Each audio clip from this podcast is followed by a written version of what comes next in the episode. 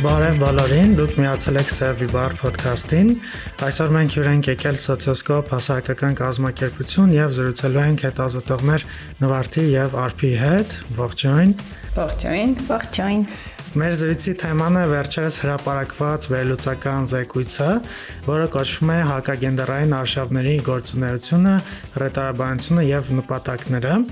Արփին եւ Նվարդը համահեղինակներ են։ Զեկույցը իրականացվել է Հայաստանում կանանց հիմնադրամի ֆինանսական աջակցությամբ։ Մինչև հարցերին անցնելը ասեմ, որ ամբողջական զեկույցի հղումը հասանելի կլինի այս թողարկման նկարագրության մեջ կարող եք ինքներդ կարդալ, ավելի մանրամասն ծանոթանալ զեկույցին։ Արփի նվարդ դուք բավականին մանրամասն հստակ դեպքերի օրինակներով վերլուծել եք հակագենդերային արշավները, կանանց իրավունքների մերժումը եւ LGBT մարդկանց նկատմամբ բռնության զանգվայնացումը։ Ավելի հստակեցնելու համար եկեք սկզբից հասկանանք, թե ինչ ենք հասկանում հակագենդերային շարժման տակ։ Այս վերլուծական աշխատանքում մենք հակագենդերային արշավներ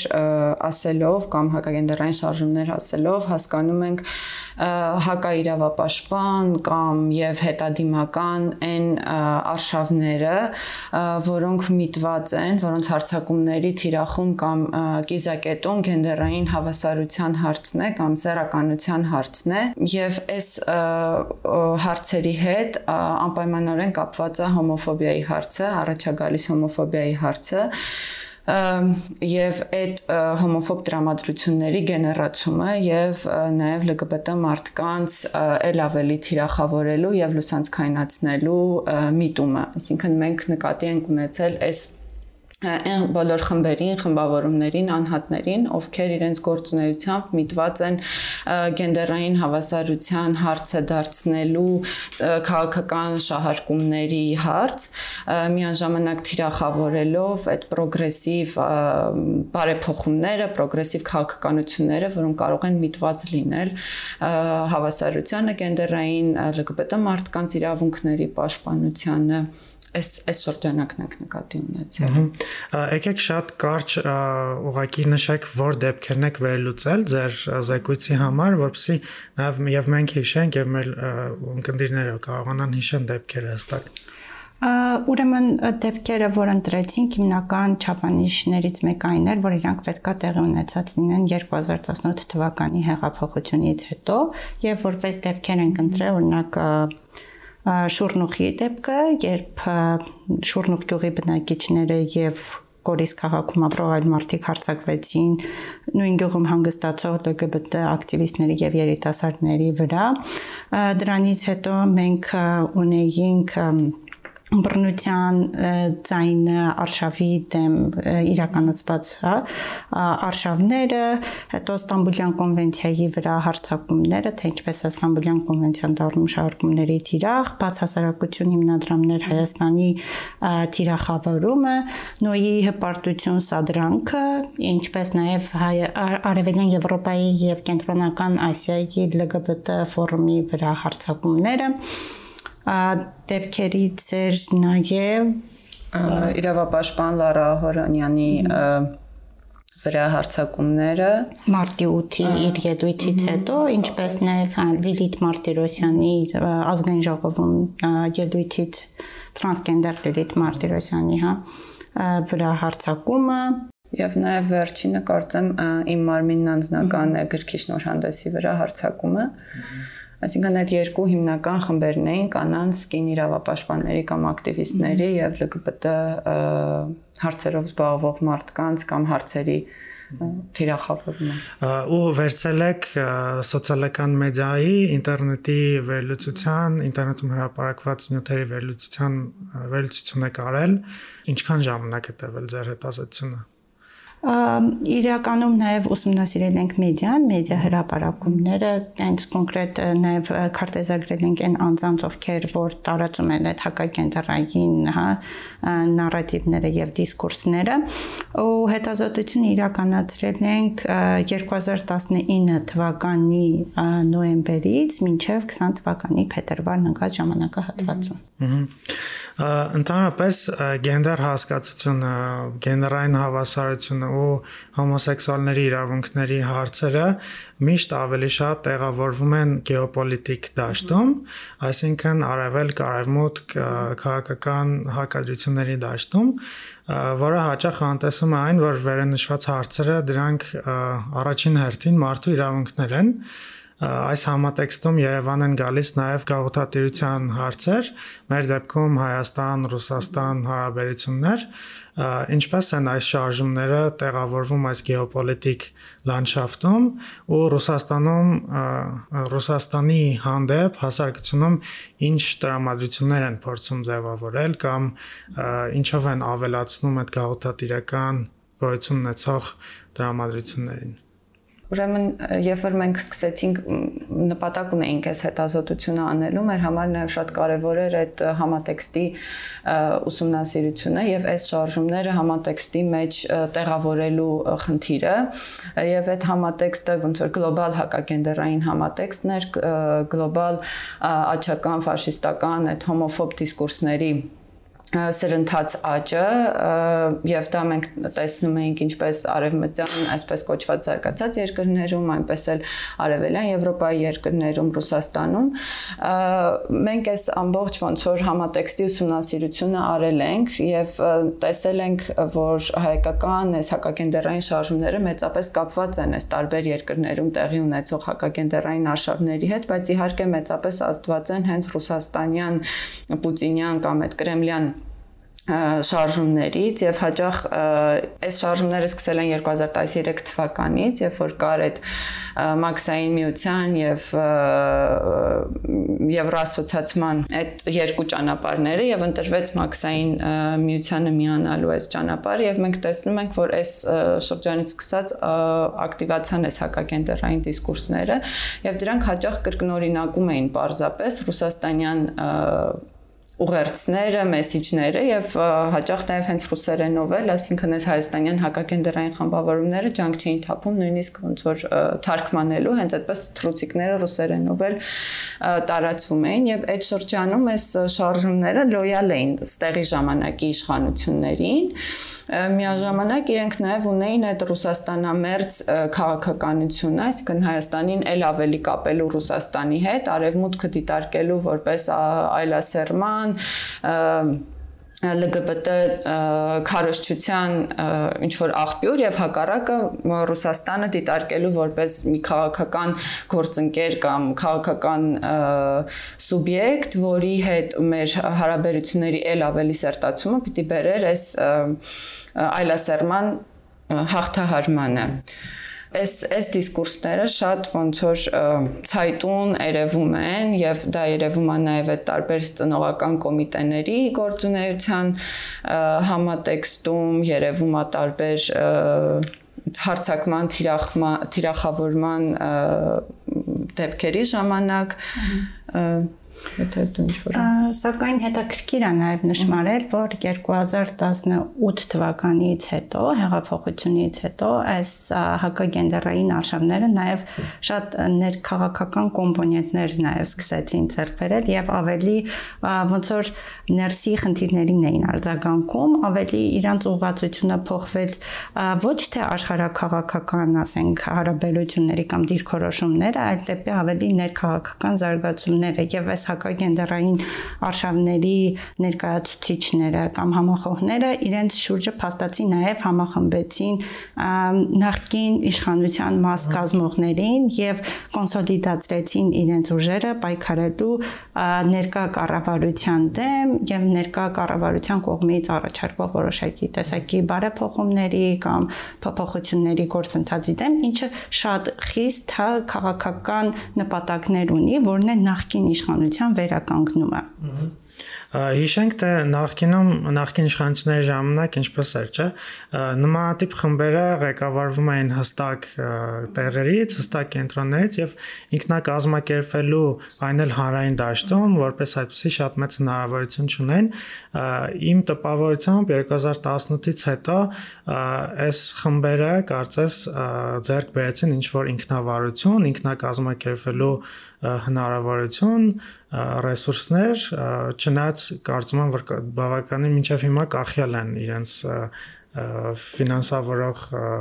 քաղաքական նպատակները տապնդող ուժերից ամեն դեպքում ասցիկ որ հիմա այս խմբերը իրենց հրատարաբանություն, տրամաբանություն օգտագործում են ներքին շահերը ինչ որ քաղաքական սպասարկելու համար այս հարցերով իրենք ինչ տրամաբանությամբ են գործում։ Մեր հետազոտությունը ցույց տվեց, որ այս խմբերը իրենք թիրախավորում են տպավորությունա որ առաջնային աղբյուրը թիրախավորման, առաջնային սուբյեկտը թիրախավորման, առաջադեմ քաղաքացիական հասարակությունն կամ այն մարդիկ են, ովքեր զբաղվում են գենդերային հավասարության հարցերով եւ LGBT իրավունքներով, բայց այստեղ մի հատ միջնորդավորված միջնորդավորված օղակ կա, որովհետեւ թիրախում ավելի շատ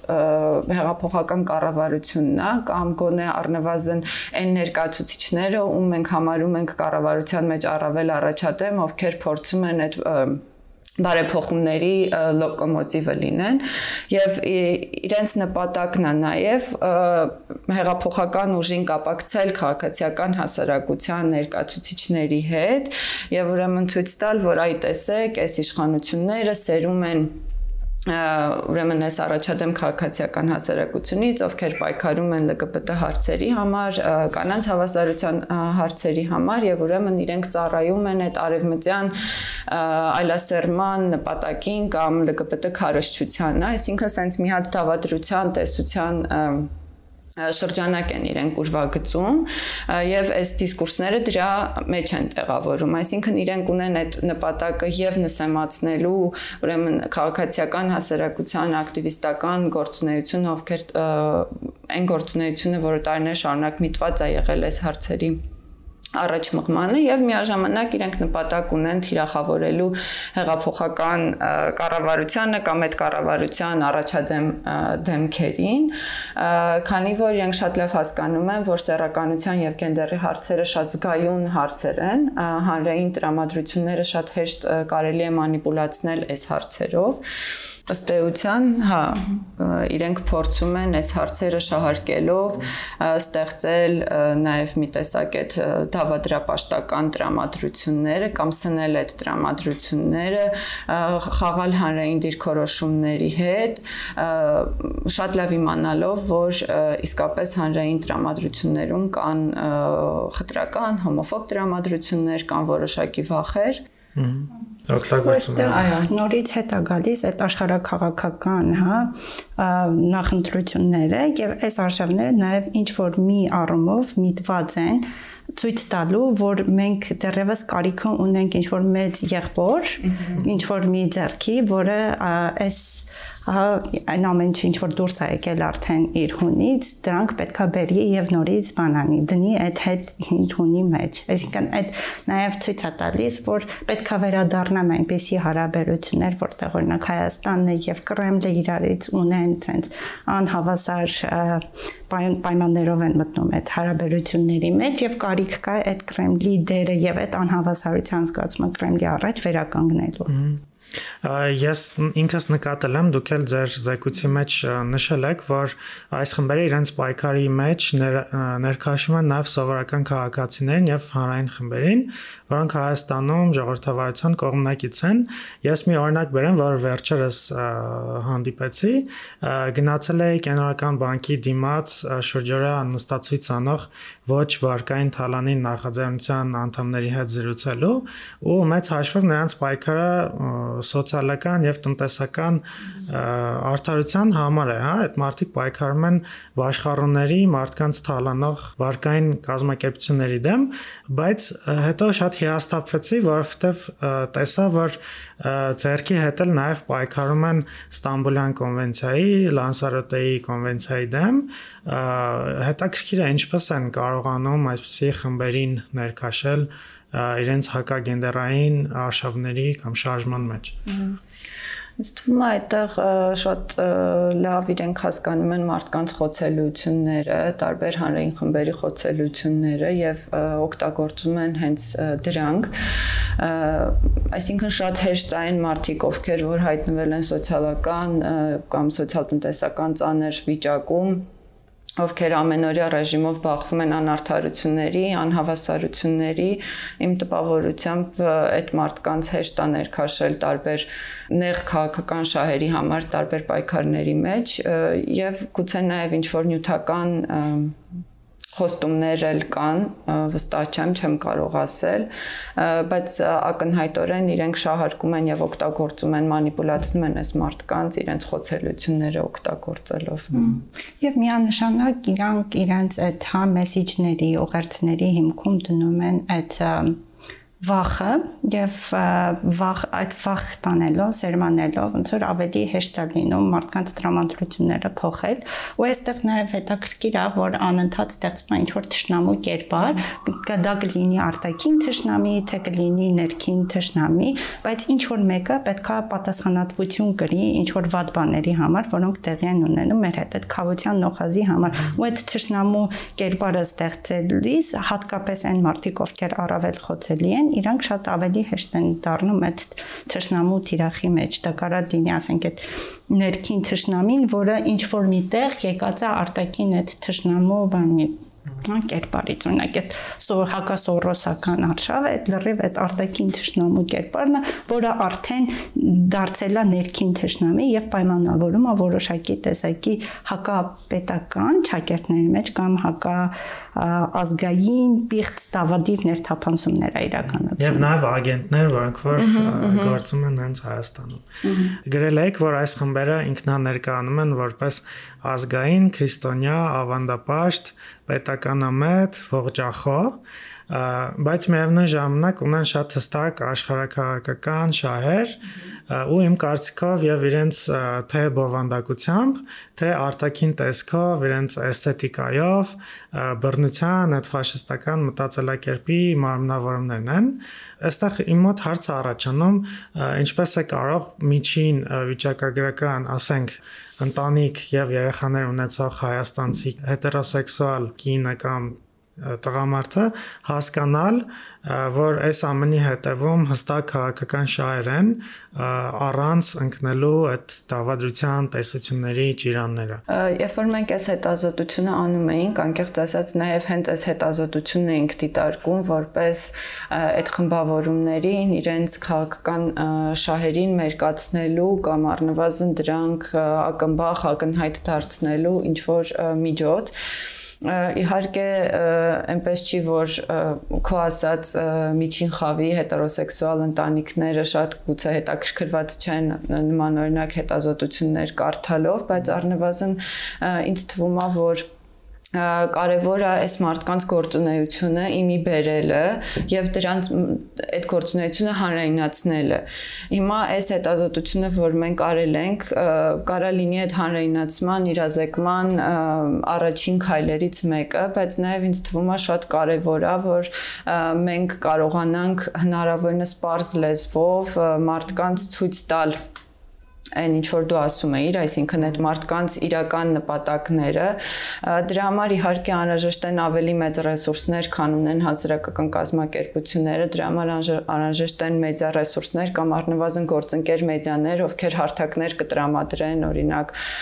քաղաքացիական հասարակությանը հետազոտողներին, ովքեր կկարողանան այս խնդիրների մասին բարձրաձայնել, հանրայնացնել։ Իհարկե անհրաժեշտ է նաև որոշակի ավելի լայն գործիքակազմի կիրառում, մի քիչ լավ չեմ պատկերացնում, բայց մարդկանց հետ երկխոսելու այս անհրաժեշտությունը իրապես կա, բայց ինձ թվում է դա միայն ինչ որ համագործակցությունների միջոցով է հնարավոր եւ այստեղ ես շատ կարեւորում եմ մեդիայի դերը, բայց հատկապես հերոստատեսության դերը, ով հնարավոր հնարավորություն կտա նմանօրինակ դիսկուրսի կամ քաղաքացիական հասարակության ներկայացուցիչների, ակտիվիստների, հետազոտողներին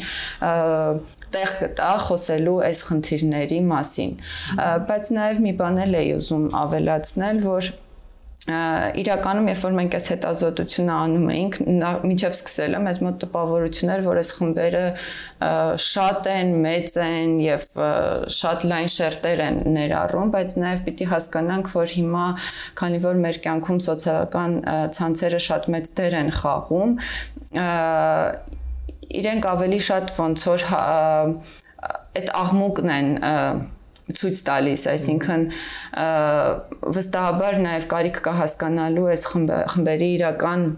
ազդեցություն, այսինքն ինչքանով իրենք տարբեր հանրային շերտերի վրա ազդեցություն ունեն եւ արդյոք ունեն դիրքորոշումների փոփոխության տեսանկյունից, թե իրենք պարզապես շատ ռեսուրսներ ունեն տարբեր մեդիա հարթակներում եւ սոցիալական ցանցերում խոսելու եւ երևալու։ Ինձ թվում է սա նաեւ մեկ այլ խնդիր է, որ գուցե էլի հետազոտման կամ անդրադարձի կարիք ունի։ Ես մի բան հավելեմ, ուղղակի որ այստեղ պատասխանելուց բացի այս արշավներին շատ կարևոր է, որ թեկուզ ասենք պետությունը կամ կառավարությունը ինքը հստակ կոմունիկացնի այս բոլոր հարցերը, որոնք շատ հեշտությամբ մանիպուլացվում են, հա։ Օրինակ պետքա իրազեկվածություն բարձրացվի եւ ընդհանրապես մարդիկ գիտելիք ունենան թեկուզ մարդու իրավունքների մասին, ովքեր են իրավապաշտպանները, ինչ գործունեություն են իրականացնում։ Կարիք կա այդ, հա, հստակ ու մեծ իրազեկվածության միջոցառումների եւ մյուս կողմից նա մենք նաեւ ունենք նմանատիպ արշավների աճ կամ նրանք օրորի ավելի լսելի կամ ավելի բարձր աղմուկ են անում, որովհետև համապատասխան արձագանքը պետական օղակների կողմից գրեթե բացակայում է կամ չի համապատասխանում գոնե մեր ակնկալիքներին, որովհետև նույն վախը կա, որ եթե իրանք ինչ որ մի ձևով արձագանքեն այդ ամեն ինչին, ասոցացվելու են նաև այն մարդկանց հետ, ում մեղադրում են ինչ որ մի բան իրականացնելու համար։ Ու ինչի արդյունքում այս արշավները օր օրի ավելի լսելի լսելի են դառնում կամ օրինակ երբ որ կոնկրետ կա իրավախախտման դեպք եւ իրավախախտները չեն կրում համապատասխան պատասխանատվություն դրանց համար, դա էլ իր հերթին այդ անպատժելիության մտնոլորտն է ստեղծում եւ դրա ֆոնին էլ ավելի ոնց որ կարեւորում է էլի ճակերտների մեջ նմանատիպ արշավները։ Մեծ հաշվով իմ կարծիքով օգտագործում են կոնսերվատիվ հայրիշխանական ընտանիքի մոդելը, ու հասարակությունում եղած մշակութային կոդերը շատ լավ բանեցնում են իրենց շահերի ու այս աղմուկը բարձրացնելու համար, բայց նաև շատ կարևոր է, ասացիք, պատասխանը դրանց, ինչ ձևով է պատասխան տրում, բայց ես օրինակ նկատել եմ, որ հիմա իշխանությունները իրենք նույնպես ինչ որ առումով օգտագործում են այդ կոնսերվատիվ հայրիշխանական ընտանիքի մոդելը ու այդ մշակութային կոդերը հենց նույն Նիկոլ Փաշինյանի այդ շատ հայտնի, որը որ շատ քննադատության ենթարկվեց Հայաստանի օջախն է, ժողովրդի ընտանիքն է, այդ մեսեջը, հա։ Հիմա արդյոք հնարավոր է լինելով նույն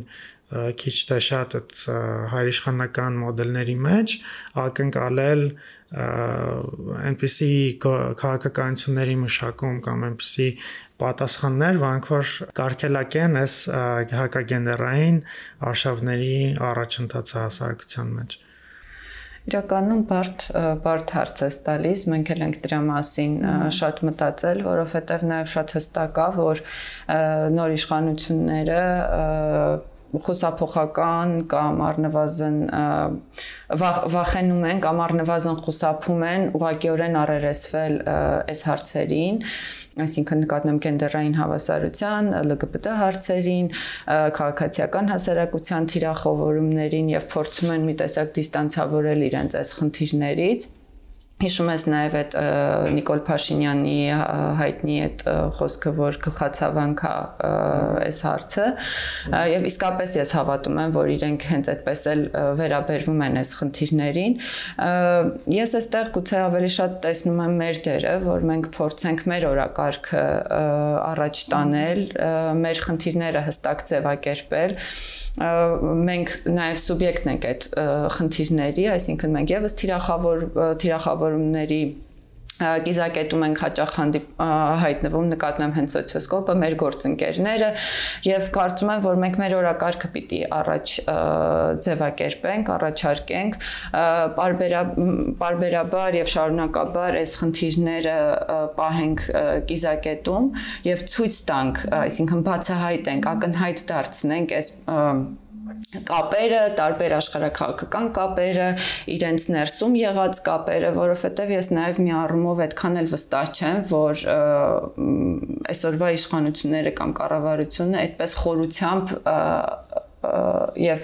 ամբողջությամբ տեսնում է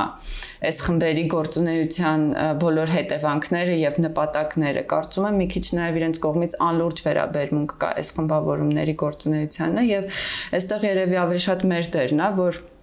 ոչ թե լրջություն կամ կարևորություն տանք այս խմբերին, բայց առնվազն ցույց տանք իրենց գործունեության նպատակները եւ փորձենք այս խնդիրները առաջ մղել լայն ժողովրդական տրամադրությունները, որոնք խտրական են, հոմոֆոբ են, մշտապես վախեցնելու են եւ սահմանափակելու են